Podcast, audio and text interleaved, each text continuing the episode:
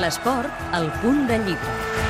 Fear and Loathing in la Liga es podria traduir com Por i odi en la Lliga. És el llibre que ha escrit Sid Lowe, periodista del diari The Guardian encarregat de cobrir el futbol espanyol, i explica la rivalitat entre el Barça i el Madrid, i com es destaca en el llibre, no és una rivalitat qualsevol. Va més enllà tant en el component polític i social com en l'històric. La gente muchas veces me dice, y sobre todo lo dicen desde Madrid, lo dice mucho menos desde, desde Barcelona, la gente me dice muchas veces, no, pero es una historia de fútbol, eh, la política no tiene nada que ver, a Franco ya se le tienen muy olvidado, que no, no es importante, que no hay que, no hay que ir buscando pues esta- estas matices políticas o sociales o, nacionalistas.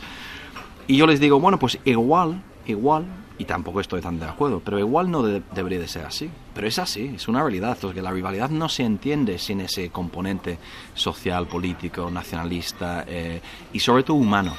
La rivalitat entre el Barça i el Madrid s'expressa cara a cara i xut a xut dins el camp. En el llibre s'explica que el clàssic de la Lliga Espanyola és més que un partit, es diu que és gairebé una guerra i dins ja metàfora bèl·lica de vegades es creuen línies perilloses. És en aquest sentit que Sid Lowe rememora un dels episodis més recordats dels clàssics, el que va passar el 24 de novembre del 2002 en el Camp Nou. Sí, vino a ser un poco el símbolo, ¿no? Eh, la cabeza del cochinillo vino a ser el símbolo un poco de, de- del odio que había entre los dos, de la importancia del traspaso de De, algo que realmente te capta la atención, ¿no? Porque, eh, hombre, da igual que sea el Madrid, el Barcelona, el Liverpool, el Everton, pues que alguien tiene la cabeza de un cochinillo, pues mm, evidentemente es, llamativo.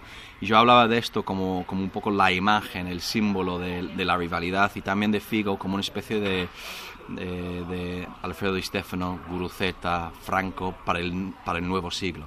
El llibre, editat només en anglès per Vintage Digital, també es pot trobar per a e-book per uns 13 euros. En un futur pròxim hi haurà edició en castellà.